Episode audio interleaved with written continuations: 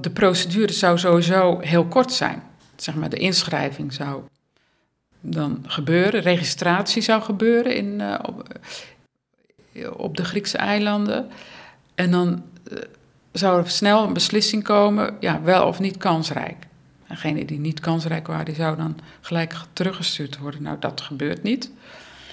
Want die behandeling heeft weer meer tijd nodig. En daar wachten nu mensen voor dat eerste gesprek. Eh, tot twee of drie jaar. Dus, dus dit, dit werkt niet.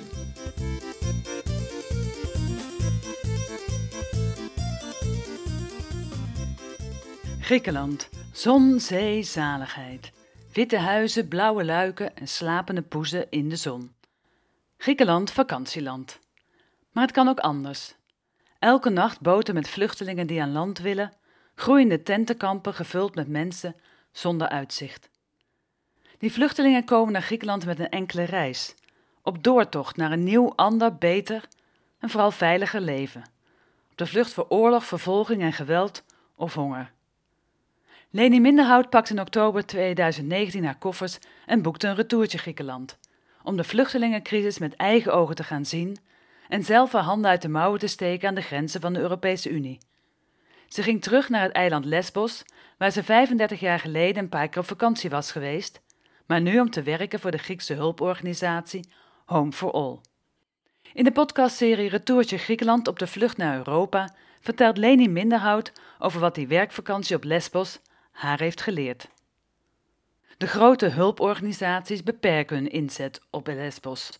Niet omdat er geen hulp nodig is op Lesbos, maar omdat ze vinden dat de Griekse regering adequate huisvesting, gezondheidszorg en onderwijs zou moeten bieden. Met het geld van de Europese Unie. Dat vindt ook Tineke Seelen, directeur van Stichting Vluchteling. Zij was onlangs op Lesbos om Kamp Moria wederom te bezoeken. En wat valt haar dan op? Ratten, schurft, luizen, oude mensen, invaliden, kleine kinderen, zieke mensen, uh, vrouwen die op het punt van bevallen staan, die, uh, uh, want we weten allemaal dat dit aan het gebeuren is. Het is helemaal niet nodig om ervoor naar Lesbos te reizen. Je hoeft de krant maar te lezen en je weet wat er aan de hand is. En dat Europese landen zonder blikken of blozen toestaan dat dit sinds 2015, toen dit begonnen is, gebeurt op Europees grondgebied. Dat wij niet vinden dat dit um, veel te ver gaat dat wij toch de beschaving zouden moeten hebben om te zorgen voor kwetsbare mensen. Of zij nou het recht hebben op de bescherming van Europa of niet. Hè, dat wil ik dan nog even terzijde uh, hebben. Vinden dat we dit soort omstandigheden kunnen laten zoals ze zijn. Dat gaat mij mijn pet te boven.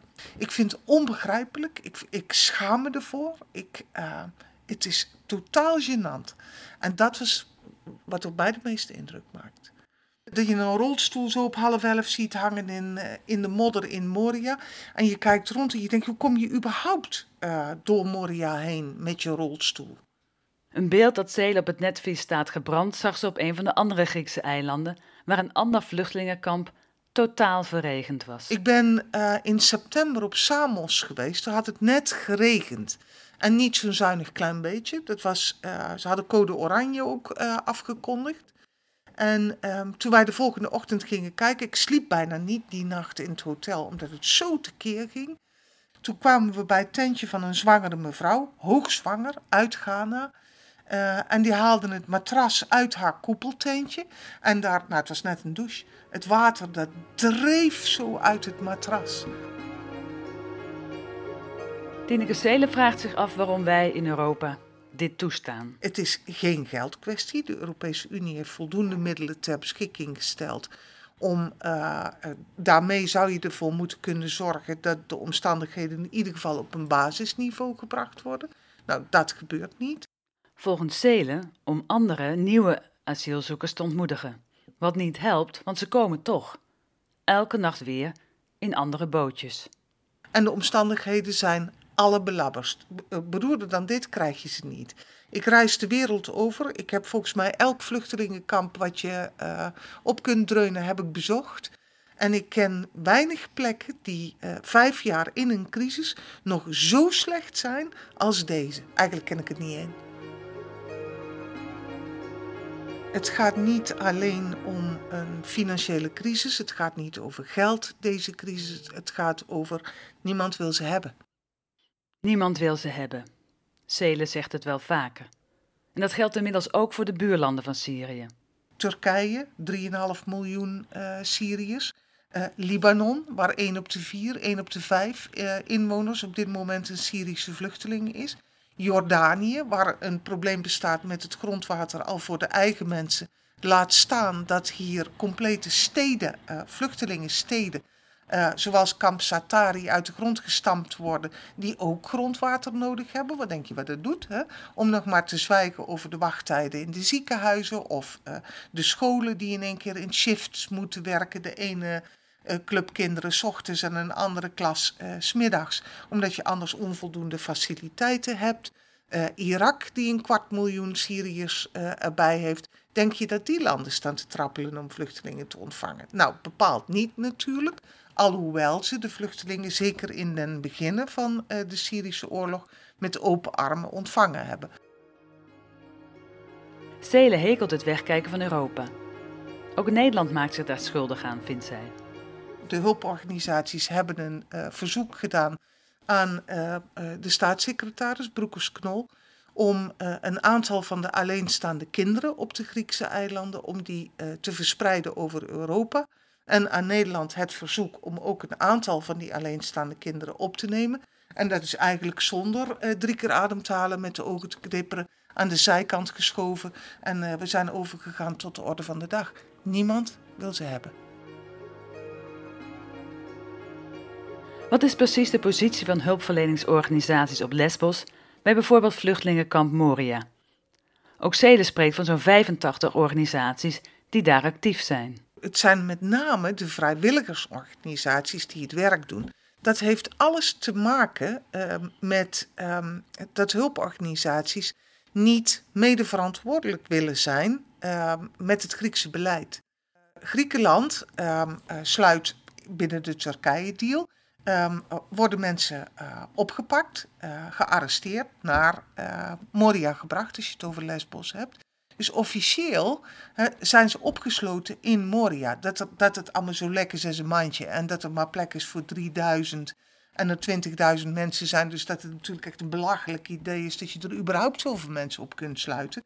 Waarbij overigens de Grieken nu gezegd hebben dat ze nieuwe centra gaan bouwen en dat mensen daadwerkelijk echt opgesloten worden. Nou, daar wil geen hulporganisatie uh, mede verantwoordelijkheid voor dragen. Dus dat is de reden geweest ook dat uh, toen uh, op het moment dat de Europese Unie de subsidies terugtrok, die aan Griekenland gaf, niet meer aan de hulporganisaties, maar aan Griekenland. Het geld gaat nu naar de Griekse autoriteiten. Zij zijn verantwoordelijk voor die hulpverlening en niet de hulporganisaties. Je wilt niet dat die Grieken achteroverleunen en zeggen: Nou, wij sluiten ze op en wij doen de Turkije-deal, die voeren we uit en jullie zorgen maar voor de mensen. Dat kan zo niet zijn. Dat mag zo niet zijn. Bovendien is het natuurlijk ook weer absurd dat hulporganisaties met geld van oma om de hoek, wat bedoeld is voor um, uh, crisis in uh, landen als uh, Congo, Somalië, Syrië of, of Afghanistan, dat je dat gebruikt voor de hulpverlening op een Grieks eiland, op Europees grondgebied, waar geld zat voor beschikbaar moet zijn. Die organisaties hebben, zoals Celen het noemt, wel allemaal een voet aan de grond gehouden. En dat doet Stichting Vluchteling ook. Wij uh, ondersteunen een aantal dingen. We ondersteunen uh, juridische hulp aan mensen die uitgezet dreigen te worden of de hele schrijnende gevallen uh, mensen die ziek zijn, die dringend hulp nodig hebben. Nou, dat soort. Daar helpen we juristen die, um, die processen kunnen voeren. Mensen die, die uitgezet terug naar, naar Turkije dreigen te worden gescheiden, dreigen te worden van hun families. Nou ja, you name it, het gebeurt allemaal. Um, we financieren de vrijwilligersorganisatie van Johnny de Mol, Movement on the Ground.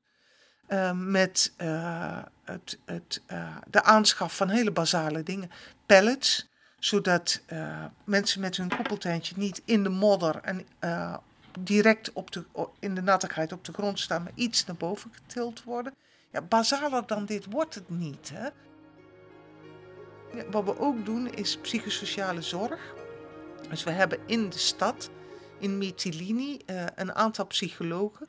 En die halen, uh, en dat zijn doorverwijzingen, bijvoorbeeld van de artsen van de Stichting Bootvluchteling, die uh, mensen identificeren die geestelijk zo in de knoop zijn geraakt dat ze zelfmoordpogingen doen of dat ze dringend medicatie nodig hebben.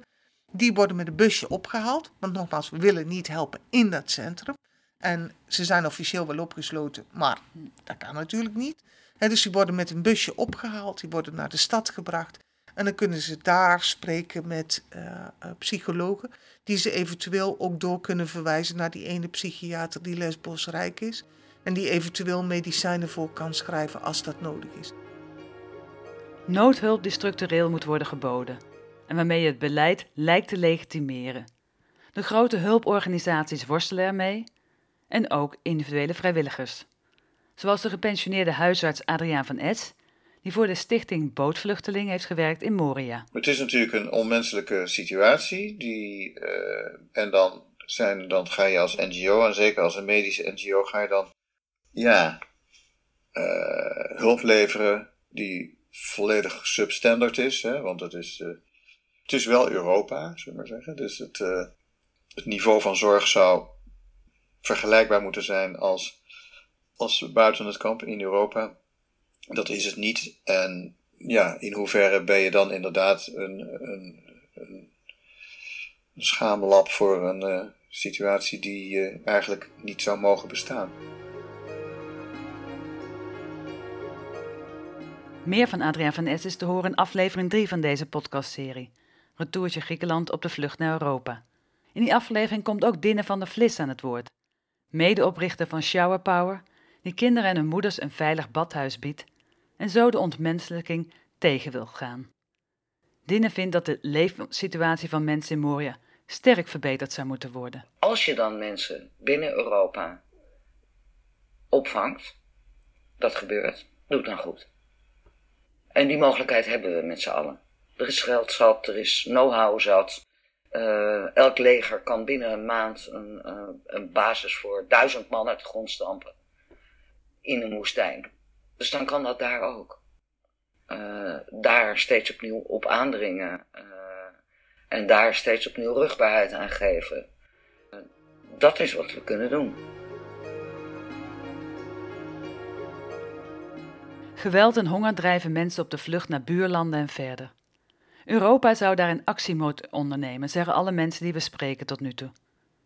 Meer doen dan noodhulp en niet de luiken sluiten en wegkijken. Ik zal de laatste zijn die roept dat um, movement on the ground because we carry, we financieren ze. Um, of uh, al die andere vrijwilligersorganisaties niet moeten doen wat ze doen. Ze verlichten de ellende. Ze brengen ook een beetje kleur in het leven van mensen die daar vaak veel te lang uh, zitten te wachten op uh, wat de toekomst hen gaat brengen. Dus ik, uh, ik, ik vind het goed wat ze doen. Maar ja, het zou niet nodig moeten zijn. Het moet eigenlijk niet mogen. En ik zou wel vinden dat ze uh, zich ook af moeten vragen hardop. Van jongens, in hoeverre dragen we zo bij in aan, hè, aan de ene kant draag je bij aan ellende, legitimeer je wat de Grieken doen. De Grieken en de Europeanen, want we zijn net zo schuldig. Laten we daar, uh, we daar heel duidelijk over zijn. Um, dat, dat is wel een discussie die gevoerd moet worden. In hoeverre maken we dit mede mogelijk? Maar zolang we ons daarvan bewust zijn. Ja, ik, kan, ik kan het ook niet over mijn hart verkrijgen om niks te doen. Geen oorlog zou waarschijnlijk het beste zijn om vluchtelingen te voorkomen. Maar zolang dat niet is bereikt, ziet Tineke Seelen van Stichting Vluchteling ook wel andere oplossingen. Je zou ook kunnen werken aan een systeem van een green card. Dat je in uh, Europa mag gaan werken voor een x aantal jaren en dan weer teruggaat. Nu hebben we dus een soort onneembare uh, vesting van gemaakt. En op het moment dat mensen die vesting binnengedrongen zijn, zullen ze ook echt nooit meer weggaan. Maar die denken, dan moet ik nog een keer hè, die, die vesting uh, gaan nemen. Dus op het moment dat jij zorgt voor een green card systeem, Dat er een mogelijkheid is om uh, asiel aan te vragen vanuit het buiten, buitenland. Dat er studiemogelijkheden gecreëerd worden voor een x aantal mensen uit dergelijke landen.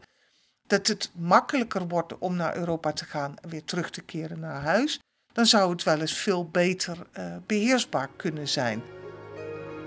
Leni Minderhout zoekt naar manieren om haar ervaring op Lesbos in te zetten voor verandering. Ik ben natuurlijk met heel veel vragen teruggekomen. Ik volg nu de Kamervragen op de voet, die kan je vinden op een website. En er zijn best al een aantal vragen gesteld door Kamerleden. Maar het antwoord blijft steeds uh, juist dat er naar een structurele oplossing gezocht wordt.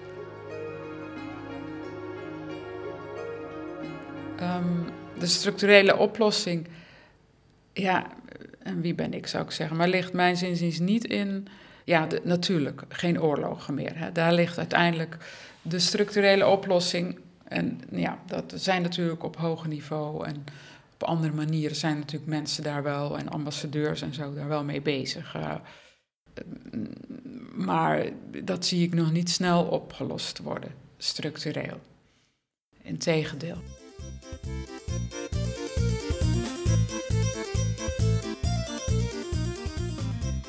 Voor Leni werd de weken die ze doorbracht rondom kamp Moria een reis die meer vragen opwerpt dan antwoorden biedt. Onvergetelijke ervaringen. Gezichten die je niet meer niet kunt zien. Voor Leni stond vast dat ze hier iets wil doen met wat ze daar zag en meemaakte. Mijn naam is Gerry van Bakel. In deze podcastserie Retourtje Griekenland op de vlucht naar Europa volgen we Leni op haar zoektocht naar antwoorden. In aflevering 5 gaat Leni in gesprek met de politiek. Want wat gebeurt er nu met al die kamervragen die er worden gesteld? Het Toertje Griekenland op de vlucht naar Europa is een podcastserie over de vluchtelingencrisis in Griekenland. Over mensen die naar Europa komen en stranden op de Griekse eilanden. Mensen met een verleden zonder koffers, maar met veel bagage. En met dromen die onvervulbaar blijken te zijn. Wie ook wil helpen, kan direct contact opnemen met Leni Minderhout. Stuur een e-mail naar minderhoutleni apenstaatje gmail.com. En minderhout is met een D en Leni zonder E aan het eind. Bedankt voor het luisteren.